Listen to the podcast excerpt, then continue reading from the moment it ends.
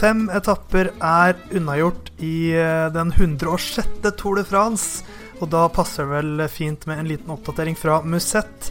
Eh, ingen Knut Lone her i dag. Han måtte være litt pappa, så det får vel si at det er godkjent fravær, eller hva, Simon? Eh, er godkjent? Ja, det, det er godkjent. Det, sykkel er viktig, men noen ting kommer faktisk foran eh, sykling òg, faktisk. Sånn som familie. Eh, men sykkelfamilien, den beste i verden, har tråkket seg gjennom eh, først Belgia, og så eh, har de jammen kommet inn i Frankrike. Jeg tenker vi kan ta det litt kronologisk, begynne der vi starta, i Brussel. Med en litt overraskende avslutning på den første etappen, hvor det blir en velt, Dylan Grønevingen går i bakken. Og så blir det en overraskende vinner, Simon. Ja, jeg, jeg vet ikke helt. Jeg, så en tweet hvor en som hadde faktisk satsa på Mike Toynesen, og jeg tror han hadde 301 odds, eh, så ja Det var vel ikke akkurat det som eh, var forventa. Eh, men Toynesen har jo vært glimrende hele den sesongen, og så fikk han plutselig en gigasjanse litt sånn ut av det blå, og han tok jo vare på det, den sjansen helt utrolig bra. Det er, litt, det er, det er jo veldig typisk, da, for en det, er ikke første gang det skjer på en første etappe i Tour de France. De siste årene har det skjedd ganske mange ganger nå at det har vært uh, en velt, uh, og så går det en stor favoritt eller to-tre store favoritter går ned i bakken, og så blir det en veldig spesiell spurt. Det blir jo litt, litt annerledes. Uh, selv om mange av de store kanonene var der, så ble det jo Caleb Ewan kom jo ganske godt i det, men han ble litt sperra. Sagaen fada litt, gikk kanskje litt tidlig. Men Toynissen, han traff veldig godt. Ja, han, han traff fantastisk. Han han er jo god i litt sånn slake motbakker òg, så det hjalp nok litt òg. Eh, men òg eh, litt som du sier, at det er alltid litt noe som skjer på en sånn første etappe. Eh, sånn så i, Når vi var i Yorkshire, så velta jo Cavendish i 2016. Der så var det vel òg en velt inn med 500 sånn meter igjen. Uh, og i 2013 i Korsika så var det òg en drøss med velter. Altså, det skjer alltid noe når det er, når det er en sånn uh, Når det er en gul trøye i potten da, for uh, spurterne. og da er det kanskje enda litt mer spissere, denne posisjonskampen. Og det gikk utover Grønnevegen denne gang, dessverre. men jeg tror han kommer sterkere tilbake. Som virker Han er, han er jo litt kvestet, men, men kom jo fra det uten veldig alvorlige skader, så jeg vil jo tro at han kommer seg etter hvert. Men, eh, men vi må hylle Tøynissen litt mer. Eh, litt sånn er blitt erstatteren til Timo Aasen i eh, Jumbo Visma-opptrekket. Det er hans første sesong i Jumbo Visma, og det er jo en brukbar debutsesong han er i ferd med å meisle seg ut nå. Ja, han, han venter jo på en måte hjem da etter at han var ute ja, i Sunweb, for han, han er jo oppfostra litt i ja, Rabobank-systemet, for å gi det det navnet. Eh, kjørte i development-laget og, og kjørt for det som dag i Jumoisma i vel to år før han gikk til Sunweb. Signerte jo på en fireårskontrakt når du signerer en rytter som Toynissen, som tross alt er en Ja Han var jo han var på ingen måte en stjerne i fjor. Han er en god rytter, men signere en rytter som Toynissen med fireårskontrakt viser jo at de, de virkelig hadde ja, tro på han, og han har gått inn i den rollen til Timor Aasen og levert vanvittig bra. Eh, det sier jo litt om ambisjonsnivået hans òg. Når, eh, når jeg snakket med han i Hammer Stavanger, så toucha vi innom klassikersesongen. Da sa jo at han eh, Han sa jo at han var litt skuffa over den, og han ble jo annet nummer syv i Paris Roubais. Så det er en mann med store ambisjoner, og som eh, har vært en fantastisk signering for Jumbo Visma. Og nok en av disse rytterne som kommer og, tar sykkelsporten litt med storm. Da. Han gjør jo det nå når han uh, vinner første etappe i Tour de France, som kommer fra cyclocross-bakgrunn. Så det, det, er et eller annet disse gutta det, det, er kanskje det mest sexy i sykkelsporten nå. Hvis du har en sykkelcross-bakgrunn, da tror jeg du får 100 000 ekstra året bare pga. det. ja, det Du vet at det kommer et eller annet gjennombrudd eh, ganske kjapt hvis du har eh, cyclocross på CV-en fra før av.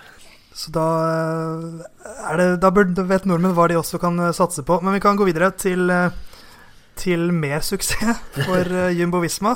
Vi fikk ikke Amund Grønvald Hansen i hvitt, som vi snakket litt om, men uh, vi fikk fortsatt Mike Tønnesen i uh, gult. For Jumbo Visma vasket gulvet med alle de andre på den andre etappen, på lagtempoen i Brussel. Ja, det var helt enormt. Du, du har en ganske jevn lagtempo. Og så kommer Jumbo Visma som siste lag og er bare totalt overlegne. Eh, og lagtempo har vært viktig for dem i ganske lang tid.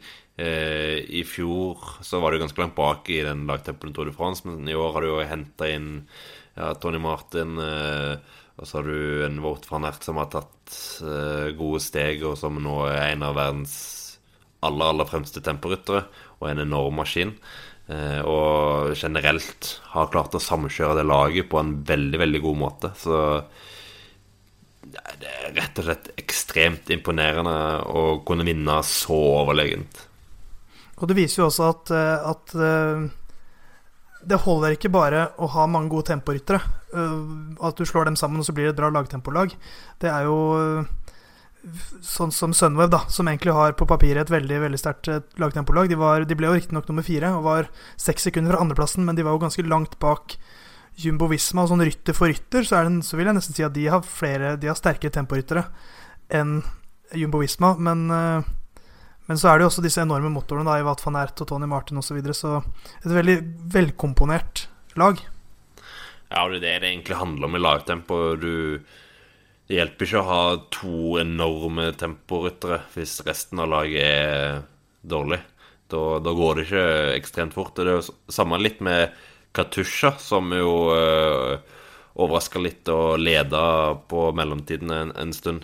Eh, ingen enorme temporyttere. Altså, du har dowsout på litt og sånt. Altså, det er gode temporyttere, men det er ikke enormt.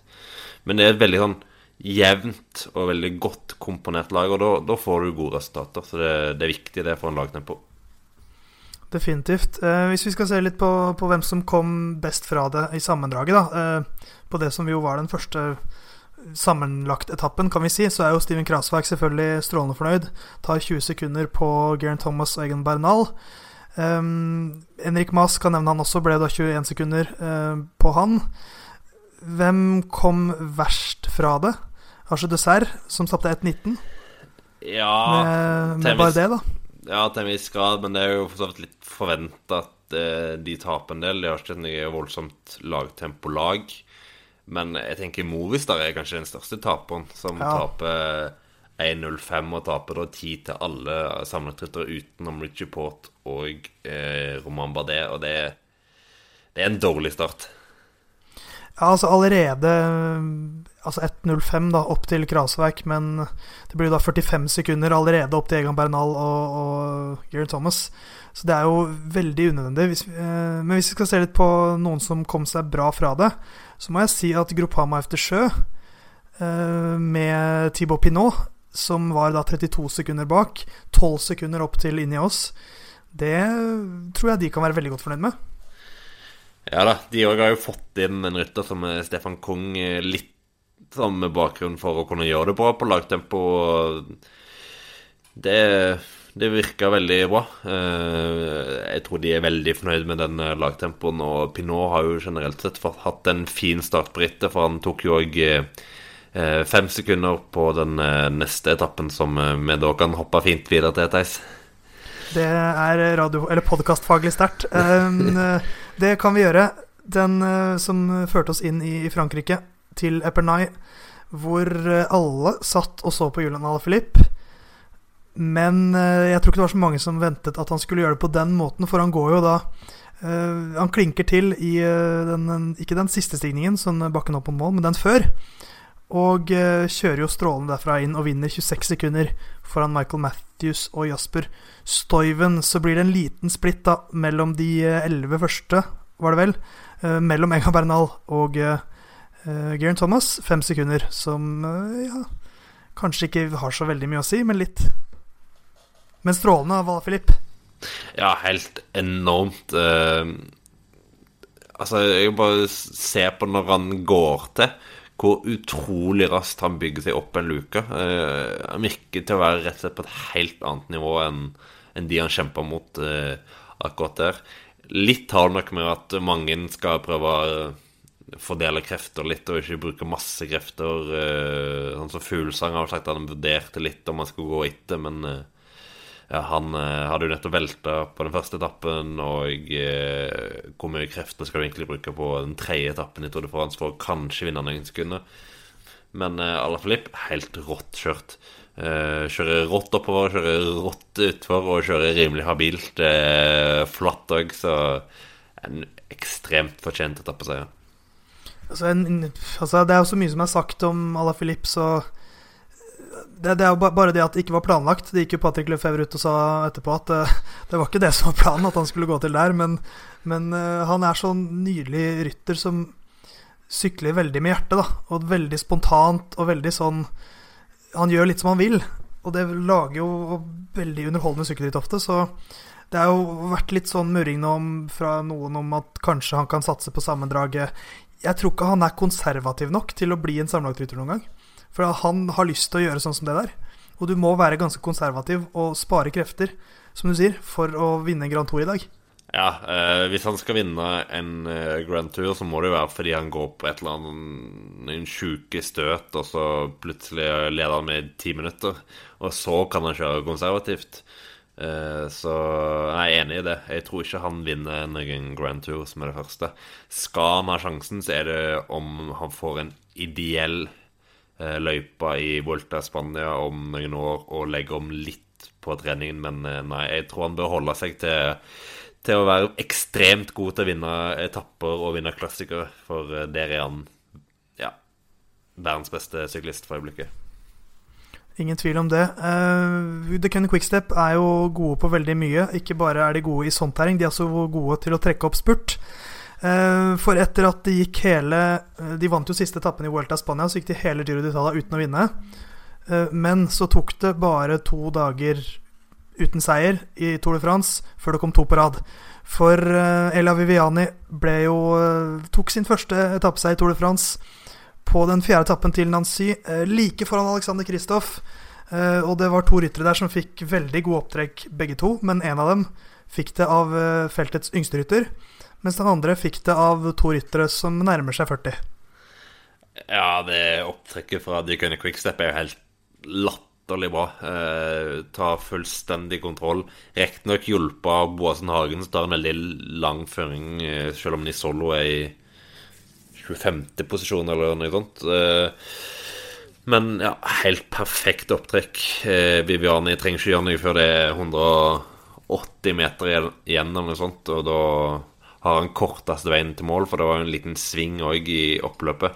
Så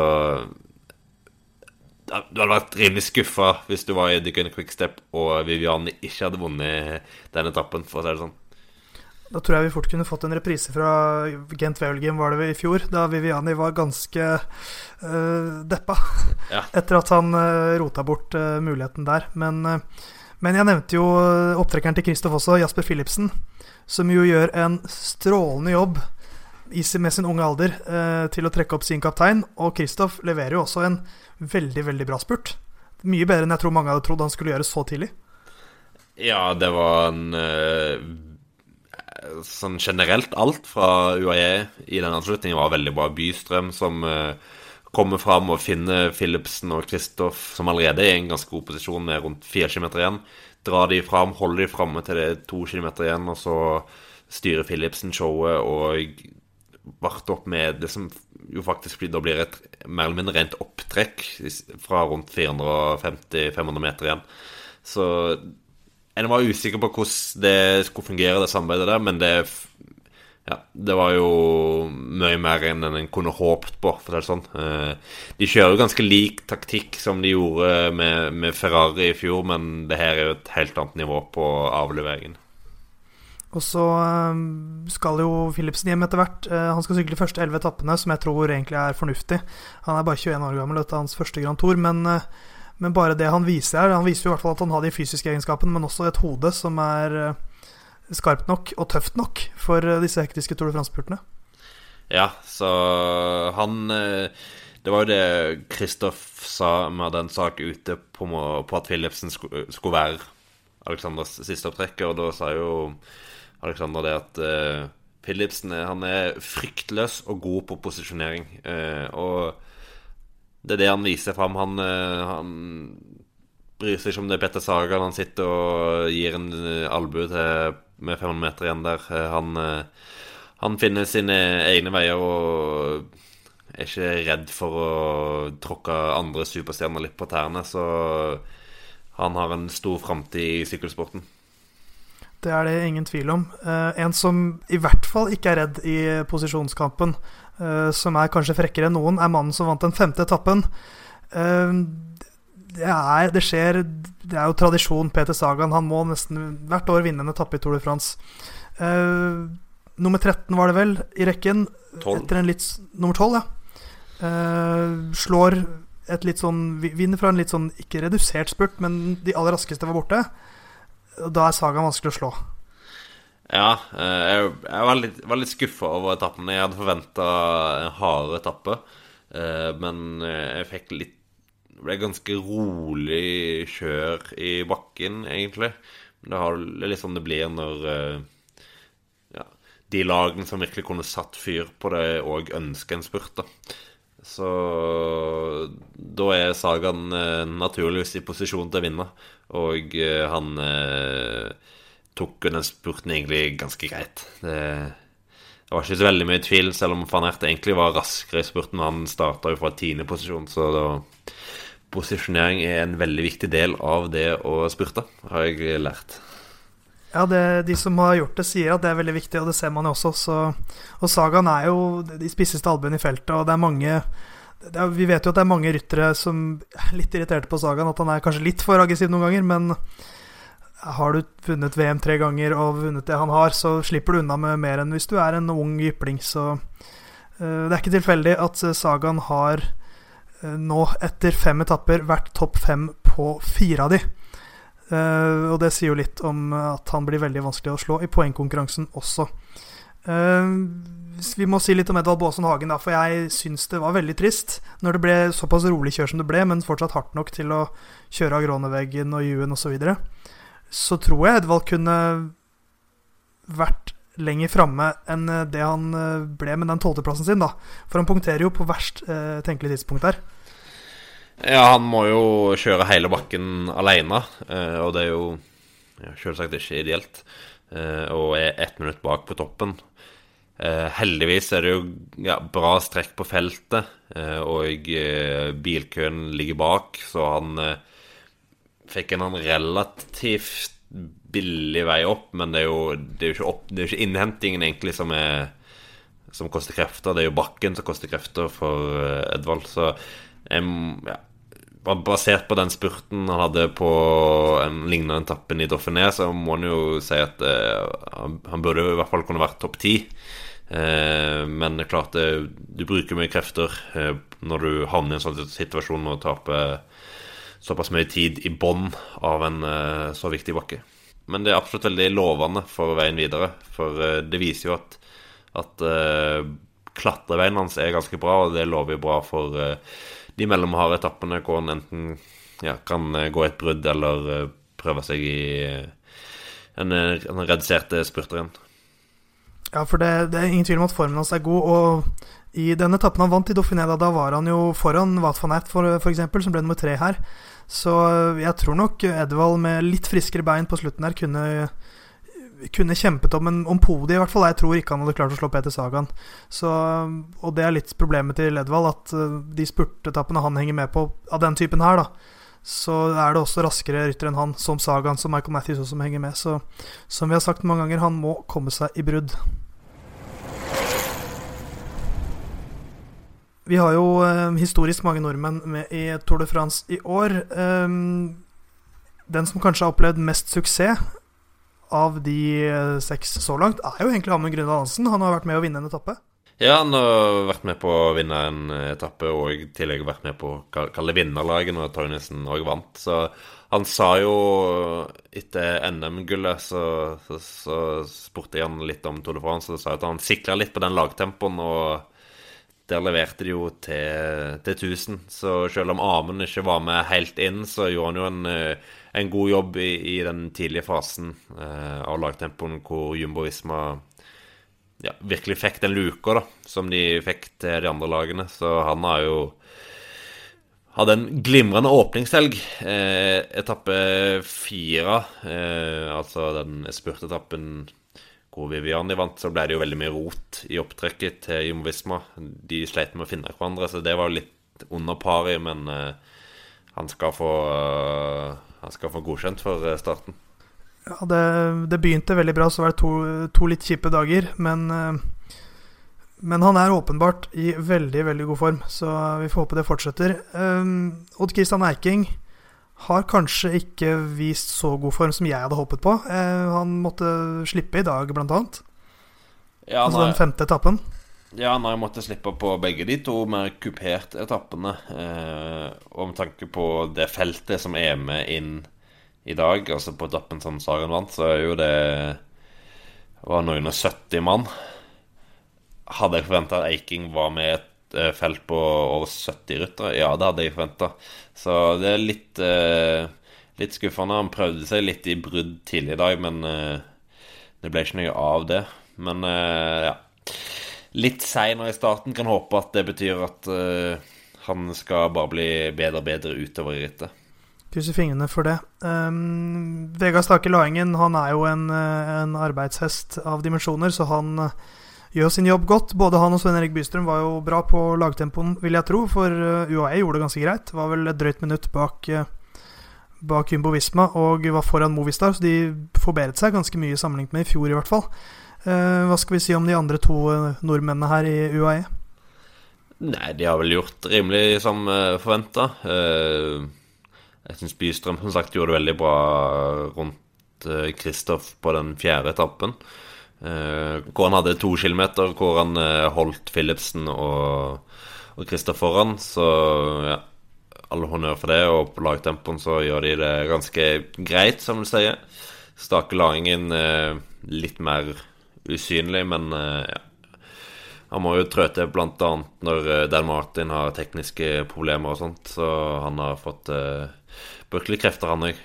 men blir nok viktigere for UAE utover i rittet, vil jeg tro. Jeg er Carl Fredrik Hagen, syklist på Lottosodal, og du hører nå på podkasten Musett. Det har allerede vært én ganske viktig sammenlagt etappe, nemlig lagtempoen. Men den første skikkelige kampen mellom uh, sammenlagtfavorittene, den får vi i uh, morgen, altså på torsdag, opp La Planche de Belfi, som har vært en, uh, en Tour de France klassiker, nærmest. De siste ja, Kanskje ikke klassiker, men, men den, den, har vært en, en, en yndling? Ja, jeg har vært veldig svak for den etappen de siste årene, for den har vært med tre ganger. Og rytteren som har vært i gul trøye på toppen, har alltid vunnet Tour de France sammenlagt. I 2012 var det Bradley Wiggins, i 2014 var det Nibali, og i 2017 var det Chris Froome. Så hvis du lurer på hvem som kommer til å vinne Tour de France, så er dette en nøkkeletappe. Men uh, skal kanskje ikke legge for mye vekt i, i det, men, men hva, hva, kan vi forvente i morgen, Simon? Det er en viktig etappe. Ja, jeg tror du kan forvente ganske mye. Eh, du ser at sammenlagtlagene har kjørt ganske konservativt på den femte etappen, og det er nok litt med, med tanke på denne etappen her, da, for eh, den er tøff. Det, det, er ikke bare den siste bakken. Du har en tøff dag hele dagen gjennom med to første kategorier og to andre kategorier og tre, to tredje kategorier før vi kommer til den siste bakken. Og ganske solide stigninger òg. Eh, så jeg forventer en rimelig selektiv gruppe allerede inne i bunnen av siste bakke, og så blir det nok eh, spredd ganske bra oppover der òg, for vi har jo noen eh, ramper der virkelig i år. det er jo en bakke som går litt litt i trappetrinn, og i hvert fall i år, når en har eh, fått på den siste kilometeren, hvor det er opp mot 24 eh, helt mot slutten. Jeg vil òg på grus, så jeg tror det skal bli ganske spennende å se på. For det er, eh, det er en tøff avslutning, og når det er så bratt, så blir det alltid avstander. Og det er jo Den bakken er jo ikke ekstremt lang, men Men det blir alltid ganske bra avstander. I, i 2017 da var det Fabio Aro som vant. Han vant med 16 sekunder ned til Dan Martin. Um, og mellom topp 10 så var det 40 sekunder som skilte. I 2014 så var det da Nibali som vant. 15 sekunder foran Pinot, og så var det 54 sekunder ned til tiendeplassen. Så det blir alltid vann mellom båtene. Uh, og på en tøffere etappe enn det var i 2017, som det er nå, og med en lengre finish, så er det jo absolutt mulig å, å hugge litt i sammendraget i, i morgen.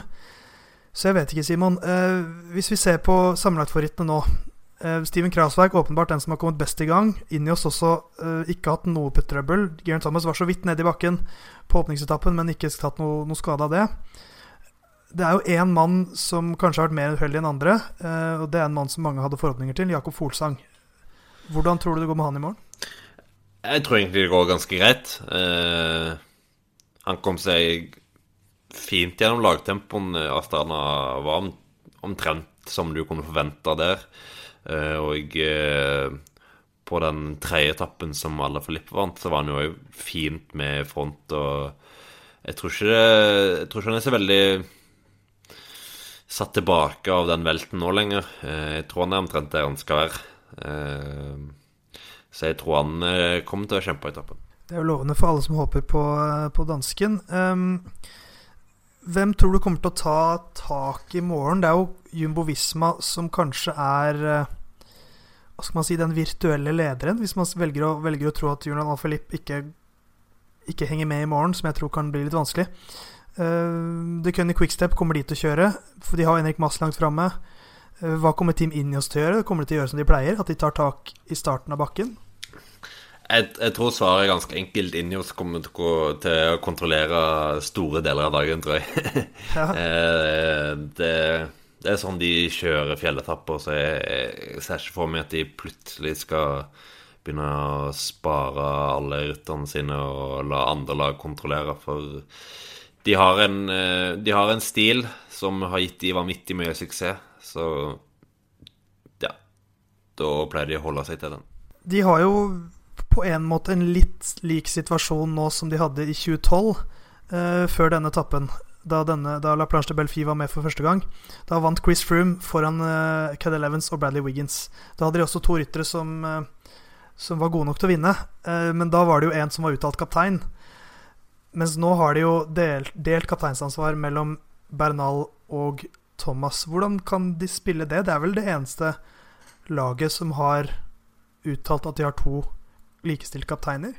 Ja, godt spørsmål. Eh, jeg vet ikke helt. Eh,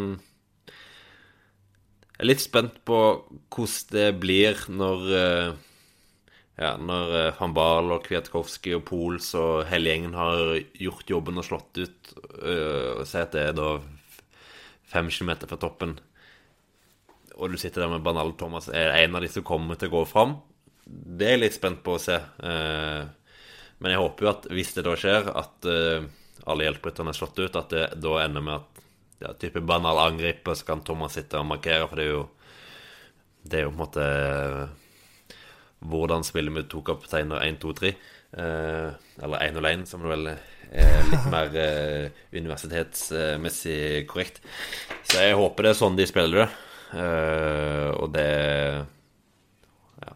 det tror jeg egentlig òg. Når, når, du ser at du har to likestilte kapteiner, så kan du ikke holde på å ha to likestilte kapteiner på papiret, og så ikke i praksis. Så tidlig i rittet. Nei, de er jo Altså, forskjellen fra i fjor, da, da de hadde Froome og, og Thomas, er at i år Altså, da hadde de Egan Bernal, som var en en hjelperytter de kunne bruke, som satt med helt til en av de andre favorittene angrep. Jeg ser ikke helt at de har det i år. De har valgt Pools. Kanskje er vel kanskje naturlig å tro at han fort blir en av de som sitter Den som kanskje gir seg sist, med mindre Dylan van Barle har uh, tatt enda et steg. Ja, det er vel eh, Pools og Kviato, vil jeg tro. Ja, ja det, jeg, vil, jeg, vil, jeg, vil, satse på Pools, da. Uh, han er ikke Jeg kan ikke se at han holder like lenge som Bernal gjorde i fjor. Og da er spørsmålet hvor tidlig de må begynne. Uh, hvis tempoet begynner å synke litt, eller, eh, eller, plutselig kommer det angrep fra noen andre, og så forsvinner Pols. Eh, de, de, er jo på en måte litt ikke like solide når vi kommer høyt opp i fjellene som de var i fjor. Nei, det er nok, det er nok ikke det. Altså, du, du, mangler, du mangler jo Froome, så sånn sett så, så har du jo en av verdens beste ryttere i, i, fjellene som er ute. Så det, det er litt sånn det blir. Uh, men jeg tror nok laget er mer enn sterkt nok til, å, til at de klarer å løse det på en god måte. Uh, skal vi komme med et sylfrekt vinnertips på La Planche Belfie-etappen, eh, Simon? Ja, please. Skal jeg tippe først? Yes. Jeg har Jeg følger alltid magefølelsen, og den sier Thibaut Pinot. Jeg uh, syns både Jeg syns han virker bare så mye mer solid enn han har vært tidligere. Så krysser fingrene for at det ikke blir for varmt. nei, uh, frekt tips. Pinot liker seg i Liker seg i Voskesene, så Ja, så føler jeg kanskje at han er ikke at, ikke at han går under radaren, men litt som Fabio Aro, da jeg skjønner, jeg, jeg skjønner hva du mener. Han er ikke den største favoritten, men en som De, de tenker ikke inn i oss med en gang at oh, oh, shit, han må vi følge. Så Pinot går jeg for. Hvem har du? Eh, litt mer eh, Tradisjonell? Tradisjonell, sier jeg er banal. Ja, men det, jo, det, hadde vært nydelig, det òg. Jeg, jeg, tror det er veldig mange som håper at han bare tråkker fra Thomas, faktisk. Ja, jeg, jeg, tror det er mange som håper han gjør noe stort. Så ja, en etappeseier. Hans første Tour de France-etappeseier hadde jo vært en eh, god start på, på, det, i så fall. Hello, I'm Alberto Contador and listen to Muchet. Hvis vi skal se litt lenger fram eh, mot det som kommer etter La Planche Belfida, er nok sammendraget satt eh, i stor grad. Så kommer det en fryktelig lang etappe, 230 km, men der har vi tro på spurt, har vi ikke det, Simon?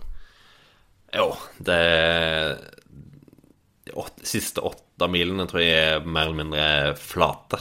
Så det stinker vel en eh, massespurt. Med mindre det blir plutselig masse vind. Eh, men ja. Sannsynligvis er masse spurt. Og en eh, etappe på 230 km lå var en lang, nøytral løyde.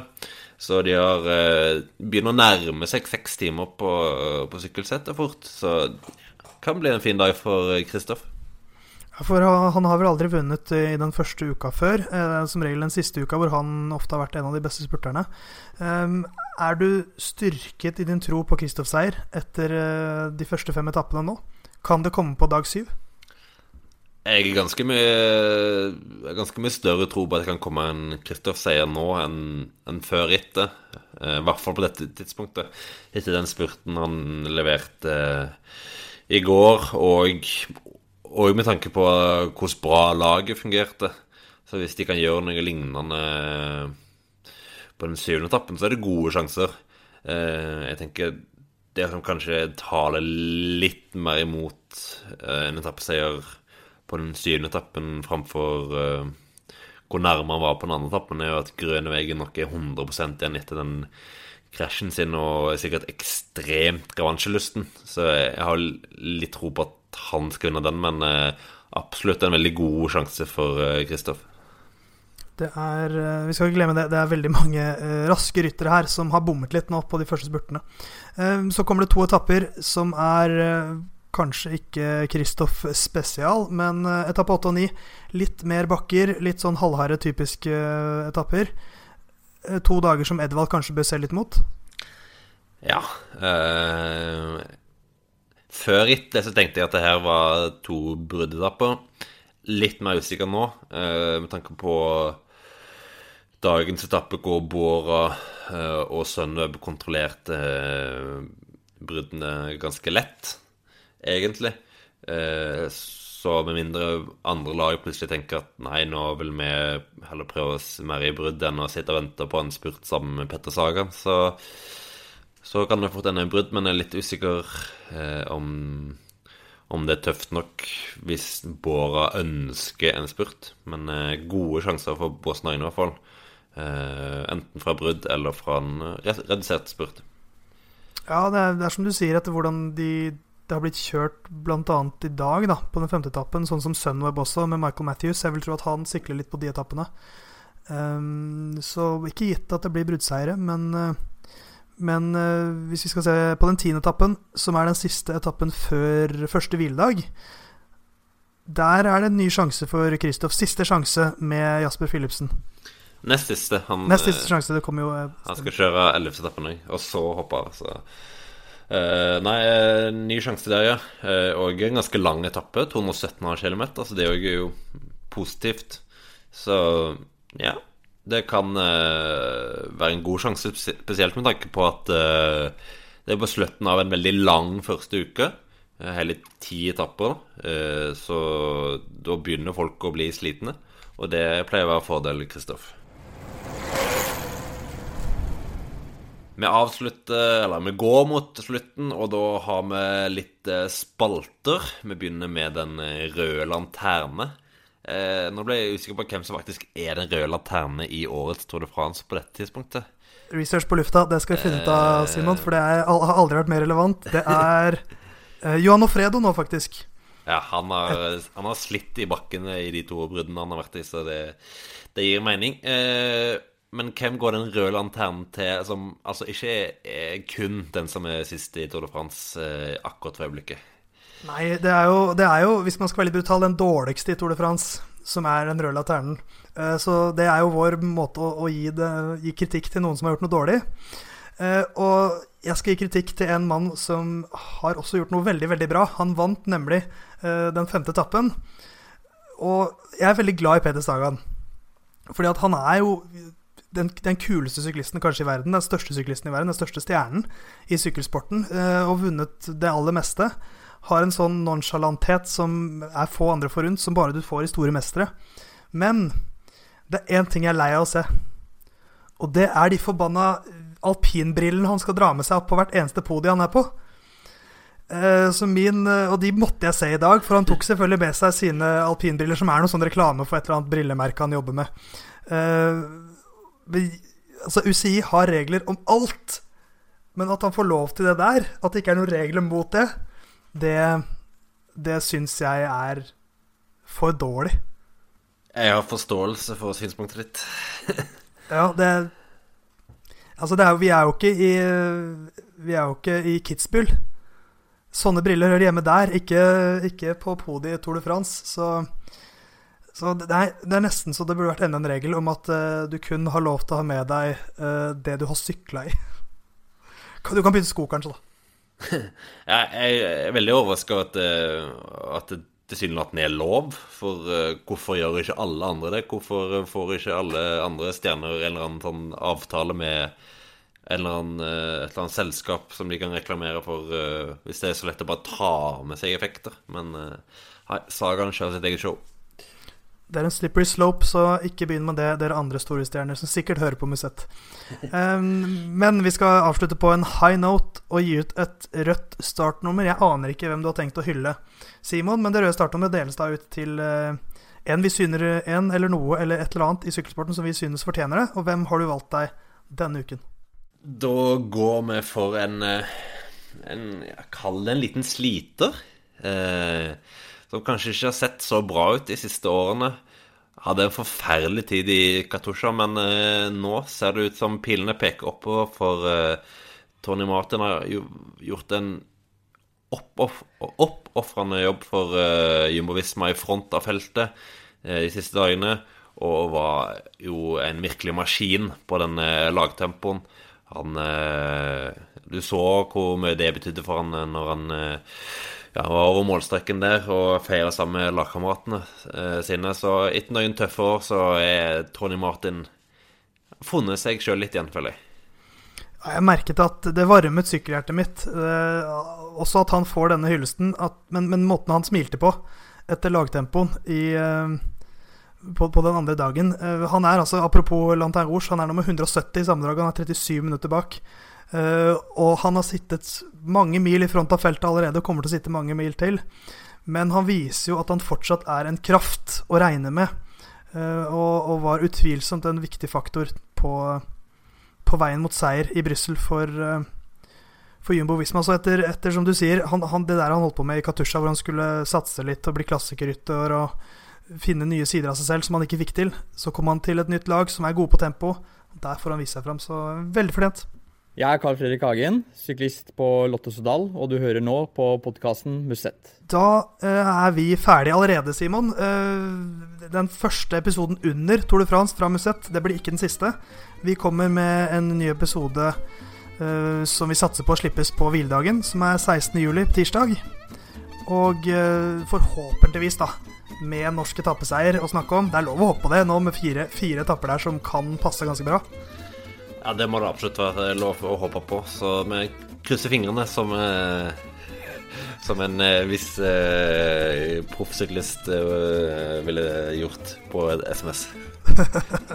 Utrolig smal referanse, men, eh, men eh, ja, det er Katrine Aalerud som, som, liker å bruke det den emojien, men det liker vi veldig godt, for vi krysser fingrene for Katrine Aalerud, som har slitt litt i Giro Rosa, men pila peker oppover, så kanskje har vi noen noen uh, gledelige nyheter om henne også og prate litt om på tirsdag.